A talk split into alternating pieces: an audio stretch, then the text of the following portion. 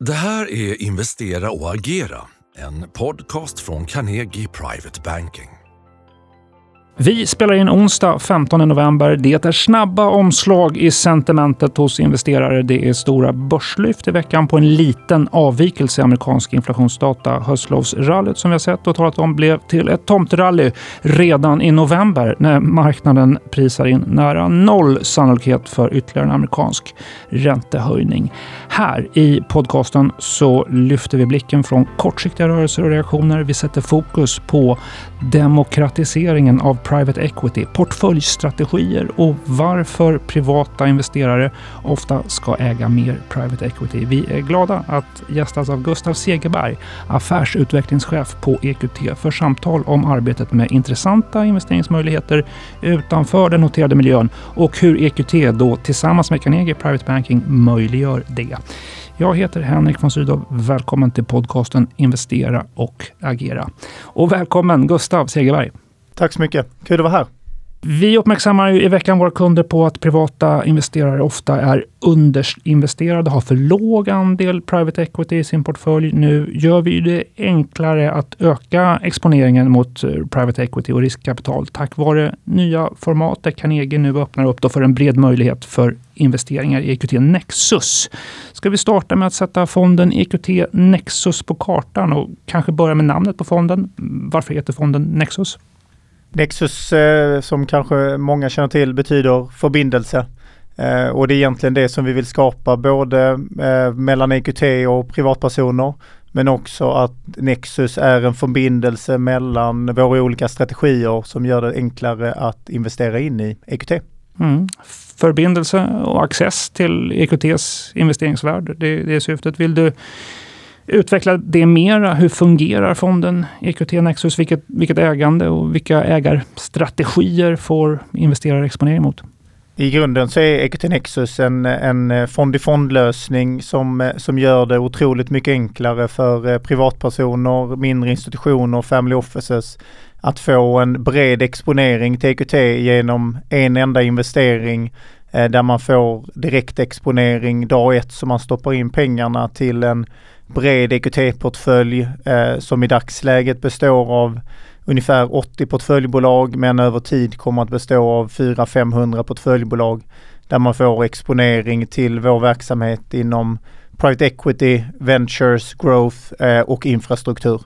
Eh, med fokus på det som vi kallar för value add strategier, så att strategier som har lite högre risk-reward eh, profil. Mm. Value add strategi, vill du utveckla det? Hur jobbar ni med ägarstrategierna? Ja, men I grunden så är det ju eh, de bolagen där vi jobbar så att säga mest aktivt med portföljbolagen där vi och mer eller mindre i alla fall kontrollerar bolaget, äger bolaget, driver agendan, driver värdeagendan, eh, säkerställa att vi kan skapa den avkastning som vi vill eh, över tid eh, genom ett, eh, ett väldigt aktivt eh, eh, förhållningssätt. Just det, och du sa att det var 80 EQT-ägda bolag idag.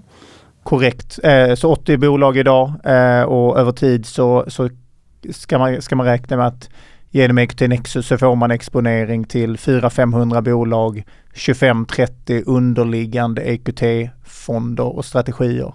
Mm. Och att då arbeta med private equity i, i den här turbulenta omvärlden, eh, transaktionstrenderna, vilken, vilken påverkan tycker du att ett eh, högre, då mer normaliserat ränteläge har för EQTs planerade investeringar?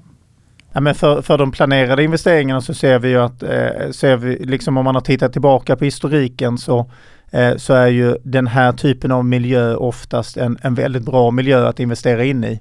Eh, de eh, eh årgångar eller vintages som man oftast pratar om eh, eh, som sker direkt efter en, en större nedgång är oftast eh, tider då, då det skapas väldigt bra avkastning. Eh, så att vi har ju liksom ganska stor tillförtro till att vi eh, eh, kommer kunna skapa bra avkastning med de portföljbolagen som vi köper här, här och nu och som vi har köpt under de sista 12-18 månaderna i, i det nya ränteklimatet som vi, som vi lever i. Just det. Det nya ränteklimatet har ju också gjort att förvärvsaktiviteten, M&A aktiviteterna har ju sjunkit något, gått ner något. Ehm, hur, hur påverkar det möjligheterna att, för er att hitta bra bolag att investera i för de underliggande fonderna? Ja, men alltså I grunden så är det, så är det lite tudelat. Det, för, å ena sidan så, eh, så finns det nu en del bolag som vi har tittat på under lång tid eh, som nu har blivit mer, eh, vad man säger, eh, normalt eh, värderat och, och, och, det kan bli faktiskt finnas möjlighet att köpa, köpa den typen av bolag eh, som vi under lång tid inte hade möjlighet att göra för det var helt enkelt för dyrt. Mm. Å andra sidan så, eh, så har vi en miljö där dels det kan finnas en, en skillnad mellan köpare och säljare. Eh, vilket gör att det kan bli lite mindre avslut och sen därutöver så har vi också en, en fondresningsmiljö, alltså möjligheten att ta in kapital eh, som är tuffare vilket gör att en del eh, fonder investerar långsammare.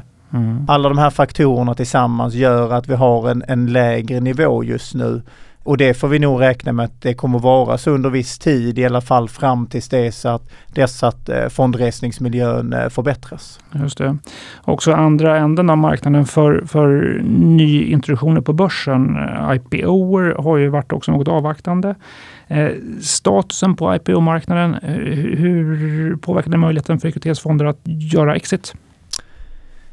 Globalt så skulle jag säga att, fond, eh, att eh, IPO-marknaden är väldigt volatil. Vi gjorde två noteringar under sommaren. Eh, fönstret stängdes därefter ehm, och, och, ehm, och vi ser att det öppnas och stängs väldigt snabbt vilket gör att det som vi försöker säkerställa är att de bolag som, som vi har som är redo för att exiteras, att vi är redo att trycka på knappen om det är så att det finns ett bra fönster. Varför, vare sig det är för en börsnotering eller för att vi eh, kanske säljer bolaget till en annan private equity-firma eller en strateg. Mm. Och kapitalet, de andra som investerar i EQT-nexus, eh, vad har vi för profil och geografi på, på investerare i den här fonden? Ja, men i, i grunden, vi, vi startade ju eh, fonden eh, i tidigare detta året. Eh, inledningsvis så, eh, så fokuserade vi främst på Norden. Eh, nu har vi eh, lanserat på en rad ställen eh, globalt, eh, inklusive så långt som bort som i Australien. Eh, och, och tanken över tid är att detta ska vara en global fond med globala investerare men, men såklart med fokus framförallt på privatpersoner. Mm. Detta är en strategi där vi vill möjliggöra för privatpersoner att investera in i EQT, göra det enklare, förbättra möjligheten att faktiskt kunna investera i private equity med de begränsningar som har funnits tidigare. Just det, och därav demokratiseringen av private equity. Exakt, exakt. Det vi, det vi märker i det här är ju dock att även för privat för liksom större eh, eller privatpersoner som tidigare har gjort eh, en del private equity investeringar, family offices, mindre institutioner, mm. så är det här en oerhört intressant produkt.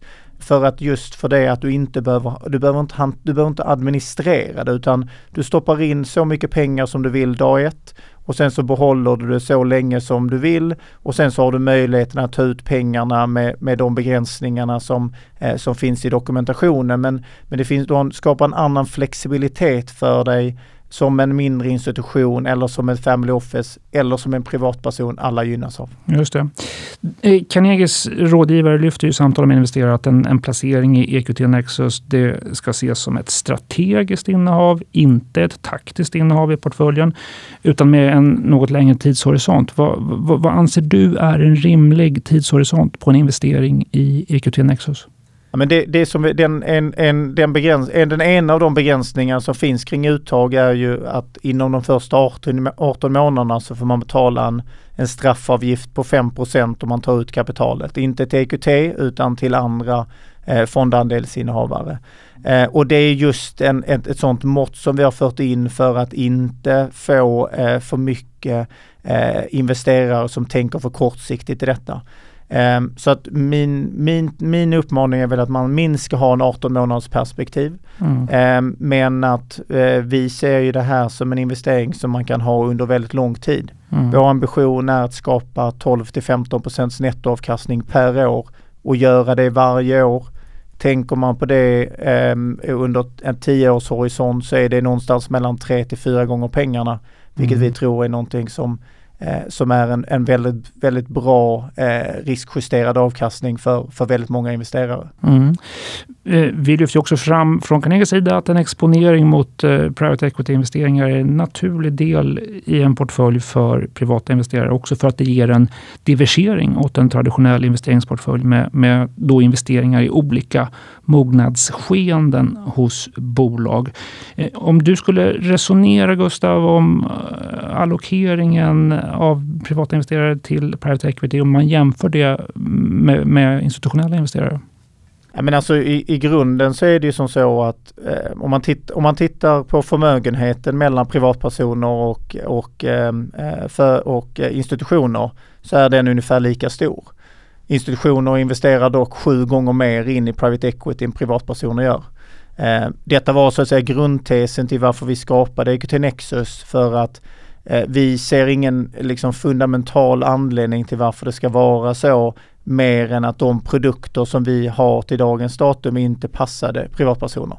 Så att vi behöver skapa bättre produkter för privatpersoner för att kunna se till att privatpersoner ska kunna få en bättre allokering till private equity.